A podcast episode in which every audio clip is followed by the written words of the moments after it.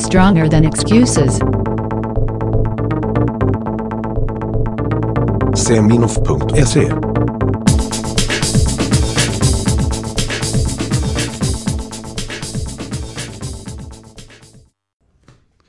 Stretching. När ska man stretcha? Ska man stretcha statiskt eller under aktiv dynamisk stretching? Det är bra frågor som jag har fått ifrån en lyssnare. Jag tycker man kan skilja på stretching och rörelseträning. Därför att stretching det är ungefär som att man, man drar i en muskel för att muskeln ska bli längre. Man, man hänger och töjer i en muskel. Och när man gör det så får muskeln successivt slappna av för att tillåta rörelsen. Men frågan är hur mycket vi kan använda den rörligheten. Stretchingen ökar ju cirkulationen väldigt mycket just vid, vid tillfället. Så stretching är ju ett väldigt bra sätt för att, för att mjuka upp kroppen inför ett träningspass. Och även då få igång cirkulationen och påskynda återhämtningen efteråt. Ändå kan man förvånas över hur mycket tid en del lägger på stretching och mjuka upp kroppen och ändå så, så blir de inte rörligare. Man kan lägga väldigt mycket tid på, många lägger säkert 20 minuter inför varje styrketräningspass med, med stretching och så kallad rörelseträning för att överhuvudtaget kunna träna. Är det så att man måste lägga så lång tid på att få igång kroppen före träningen då kan man ju fråga sig vad gjorde man fel på passet innan? För att om, om du måste ha så mycket rörelseträning innan, då har du gjort någonting förut som har gjort dig så stel. Så stretching är all ära, men eh, personen tycker att det är bättre att man tänjer i en rörelse. Istället för att stå och dra i framsida lår, som många löpare gör efter en löptur, så är det bättre att sätta sig ner på huk och försöka slappna av. Och lära kroppen att och liksom fylla i och, och anspänna för varandra där, så att man kan sitta ner på ett kontrollerat sätt på huk i ett avslappnat läge. Det kommer ju alltid vara mycket bättre än att, än att bara vara rörlig i framsida lår. För att en, en muskel kan aldrig göra en rörelse ensam. En muskel gör alltid rörelse tillsammans med andra muskler. Och en muskel som spänner sig fyller lika stor funktion som en som slappnar av.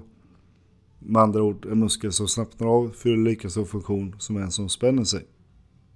Genom att man till exempel eh, försöker sitta ner på huk så, eh, så lär vi rätt muskler att slappna av i rätt ögonblick och vid rätt, vi lär rätt muskler att spänna sig vid rätt ögonblick.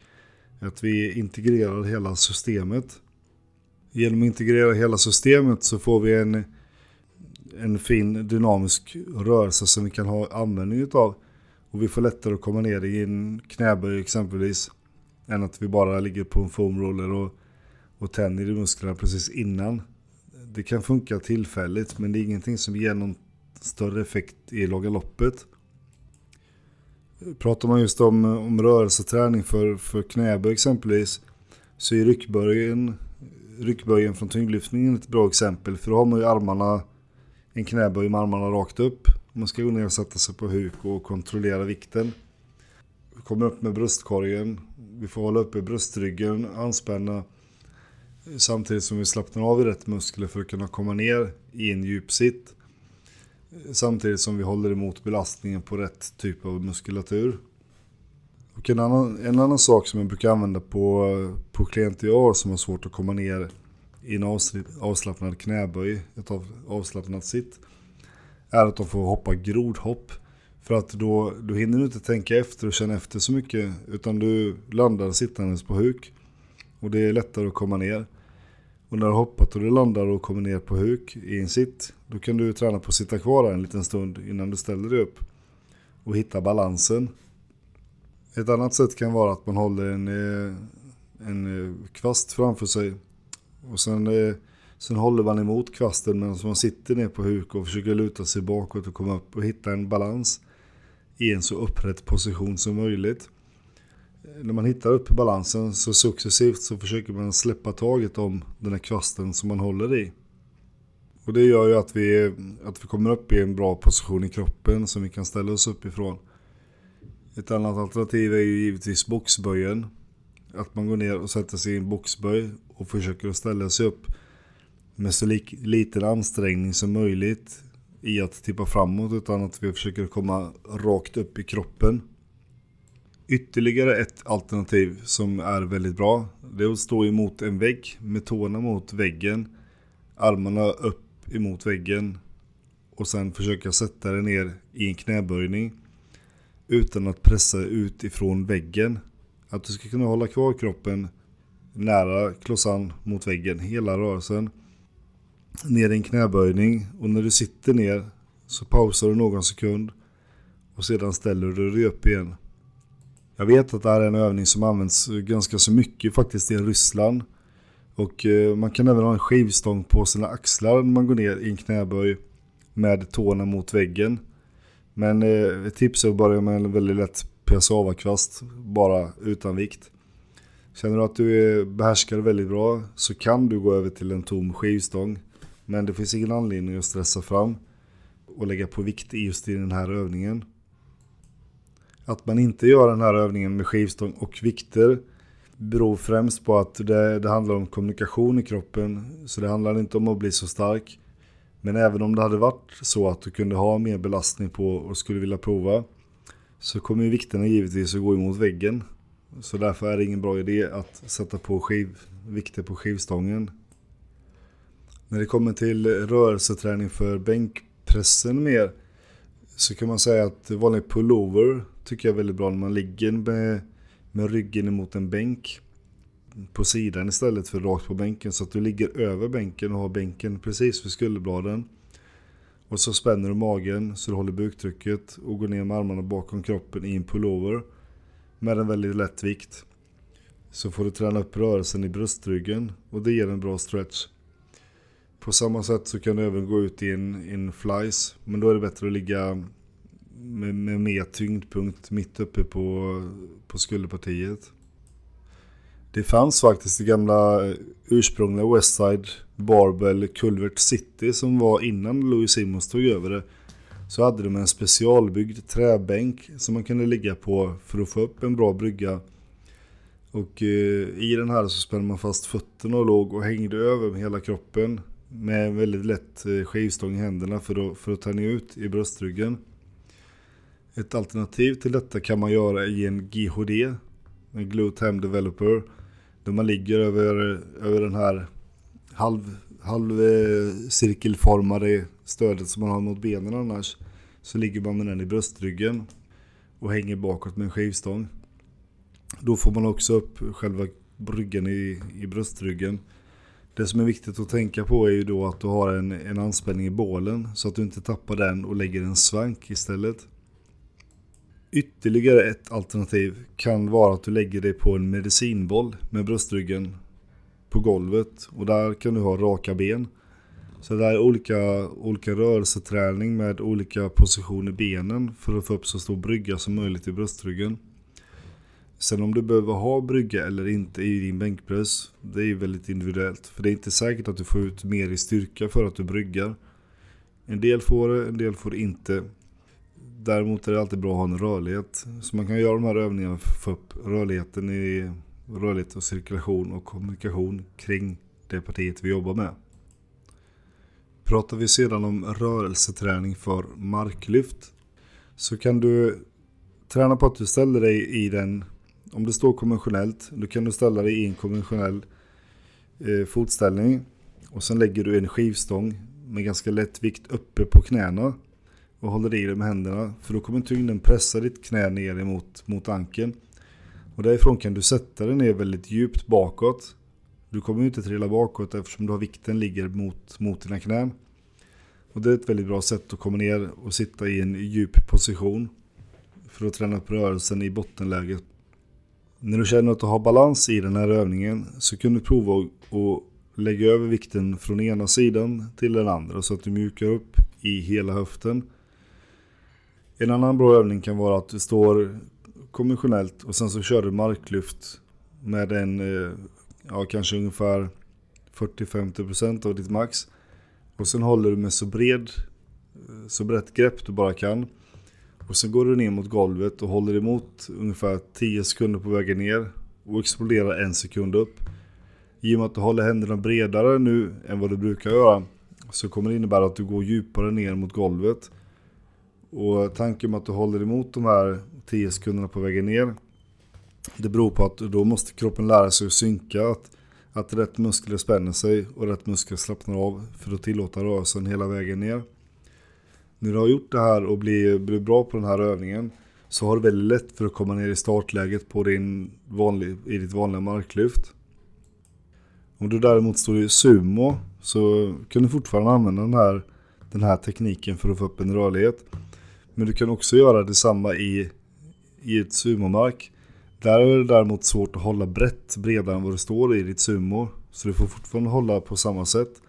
Men du kan höja upp eh, underlaget du står på så att du kommer upp högre och får en så kallad deficit deadlift.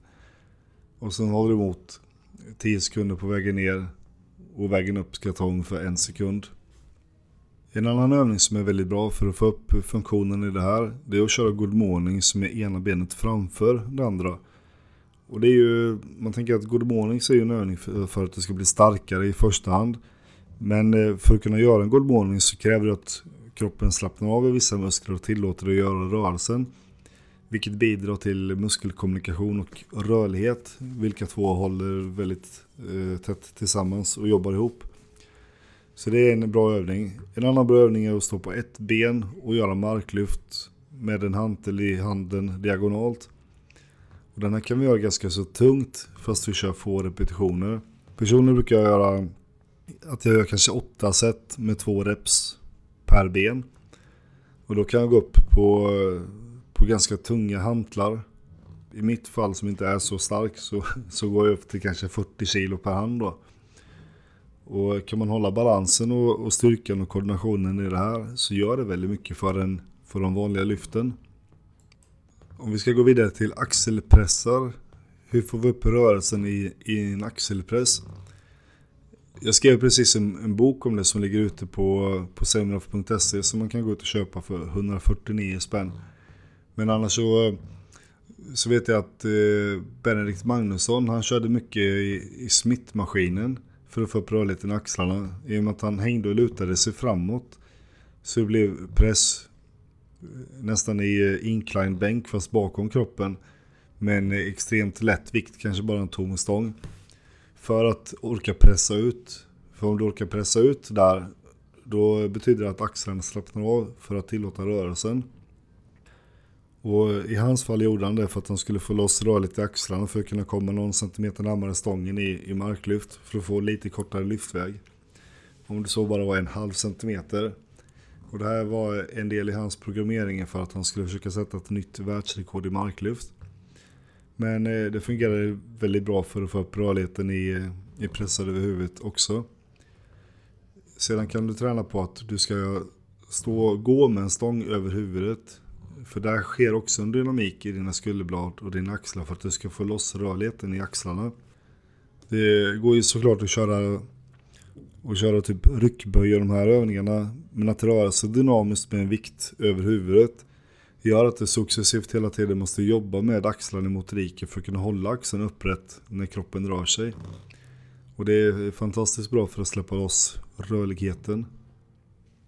Eh, andra frågor som jag har fått är just aktiveringsövningen för böj, mark och bänk. Och jag tycker att de går ihop med de här rörelseövningarna som jag har precis gett exempel på. Om det finns någon, eh, finns det någon vits med att göra aktiveringsövningar på sina vilodagar? Vilka ska man göra i så fall? Och vill att jag ska ge förslag på dessa. Och just de här övningarna som jag har sagt nu kan man absolut göra på sina vilodagar också för att få upp rörlighet och koordination i kroppen. Och det kommer ju ge en, en avkastning på träningsdagen också. När du sitter och kollar på tv kan du sätta dig på huk och träna på att sitta på huk en liten stund. Tycker du att det är jobbigt så kan du tänka på en miljard kineser som sitter och äter sin lunch på det viset varje dag. Och även uträtta sina toalettbesök på detta sätt. Så att du ska väl kunna sitta en, eh, ett par minuter på det sättet utan att bli alldeles för ansträngd. Om du ska ha en god rörlighet i, i höften. Kan man tycka. Även övningen för att få upp i bröstryggen. För det släpper ju upp väldigt mycket i axlarna också när man ligger över en bänk och, och sträcker armarna bakåt. Och det är väldigt svårt att sträcka ut sina armar i den övningen också på grund av att det, musklerna vill hålla emot. Så blir man smidig i den övningen så får man en bra avkastning på sin bänkpress på sina bänkdagar också. Och sen minskar man problemen i sina axlar till vardags. Så att vi får med oss väldigt mycket på köpet av just de här enkla övningarna. Du gör de här någon gång då och då. Det behöver inte ta mer än 5-10 minuter om dagen. Och du kommer inte behöva värma upp i 20 minuter med stretchövningar för att kunna göra dina knäböj. Här får du väldigt mycket gratis på små enkla övningar som går väldigt snabbt att uträtta. Ja, lite kort om detta. Om du tycker att det här var bra tips så får du gärna dela länken på den här podden till eh, dina kompisar på dina sociala medier. Är det så att eh, du vill lyssna på fler avsnitt så gå in på Seminoff Sport och Rehab på Facebook, Seminoff på Instagram eller på seminoff.se för att läsa fler artiklar. Tack för att du lyssnade. Ha det bra. Stronger than excuses. Seminoff.se